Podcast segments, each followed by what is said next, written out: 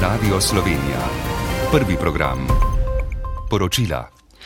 V Dražgošah končujejo srednjo spominsko slovesnost ob 81. obletnici Dražgoške bitke.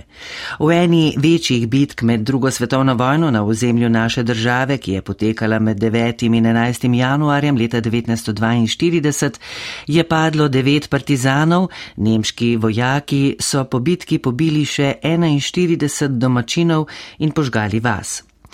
Pogumen odpor šipkih je pomenil novo upanje v borbi za svobodo. V Sloveniji in Evropi je povdaril poslanec Gibanja Svoboda Borut Sajovic v današnjem nagovoru v Dražgošah, ki jih je označil za simbol upora, odpora, tragedije in zvestobe domovini. Med drugim je opozoril pred poskusi obnove nacizma in fašizma. Ukrajinski predsednik Volodimir Zelenski je enostransko rusko prekinitev ognja o pravoslavnem božiču, ki se je končala sinoči, označil za lažno, čež da so ruske sile tudi med premirjem nadaljevale napade na ukrajinska mesta. Po navedbah ukrajinskih sil je bil v ruskem obstreljevanju mesta Harkov na severovzhodu države ubit najmanj en človek. Ruske sile, ki ustrajajo, da so le odgovorile na napade nasprotne strani, pa navajajo, da so ukrajinski izstrelki na območju Donetska poškodovali termoelektrarni. Ob topniški izmenjavi ognja v mestu Bahmut na vzhodu Ukrajine sta bila ubita civilista. Kitajska je po skoraj treh letih odpravila obvezno karanteno za potnike iz tujine, ki so jo uvedli zaradi COVID-19. Potniki, ki vstopajo na kitajsko ozemlje, morajo preložiti, predložiti negativen izid PCR testa. Na letališčih v Pekingu in Šanghaju so odstranili ovire.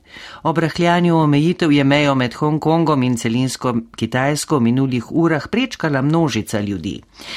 Na hitro širjenje koronavirusa na kitajskem pa opozarja Nacionalni inštitut za javno zdravje potnikom, ki potujejo na kitajsko ali se od tam vračajo, priporoča cepljenje proti COVID-u, uporabo zaščitnih mask ter spremljanje razmer na letališčih. Več tisoč ljudi je sinoči v Tel Avivu znova protestiralo novi vladi premijeja Benjamina Netanjahuja, ki velja za najbolj desno in versko usmerjeno v zgodovini Izraela. Protestniki vladi očitajo ogrožanje demokracije ob številnih reformah, tudi prevosodni, s katero bi lahko večina v parlamentu razveljavila odločitve vrhovnega sodišča ter odločala o imenovanju sodnikov. Do sprememb je kritičen tudi nekdani izraelski premije Žair Lapid. V znak protesta proti novi vladi v Jeruzalemu je nedavno odstopila izraelska veleposlanica v Franciji Žael German. Na zadnji etapi novoletne tekaške turneje Tour de Ski je v dolini Val de Fieme v teku na 10 km prosto zmagala francozija Delphine Claudel. Eva Urevci je bila deveta, Anja Mandels pa 32. Zmagovalka novoletne tekaške turneje je postala švedinja Frida Karlsson, ki je bila danes šele 15. Prav zdaj poteka še 10 km dolga preizkušnja za smučarje tekače, a brez slovencev. V vodstvu novoletne turneje je Johannes Helsflot Klevo. Po podatkih Agencije za okolje bo večinoma oblačno,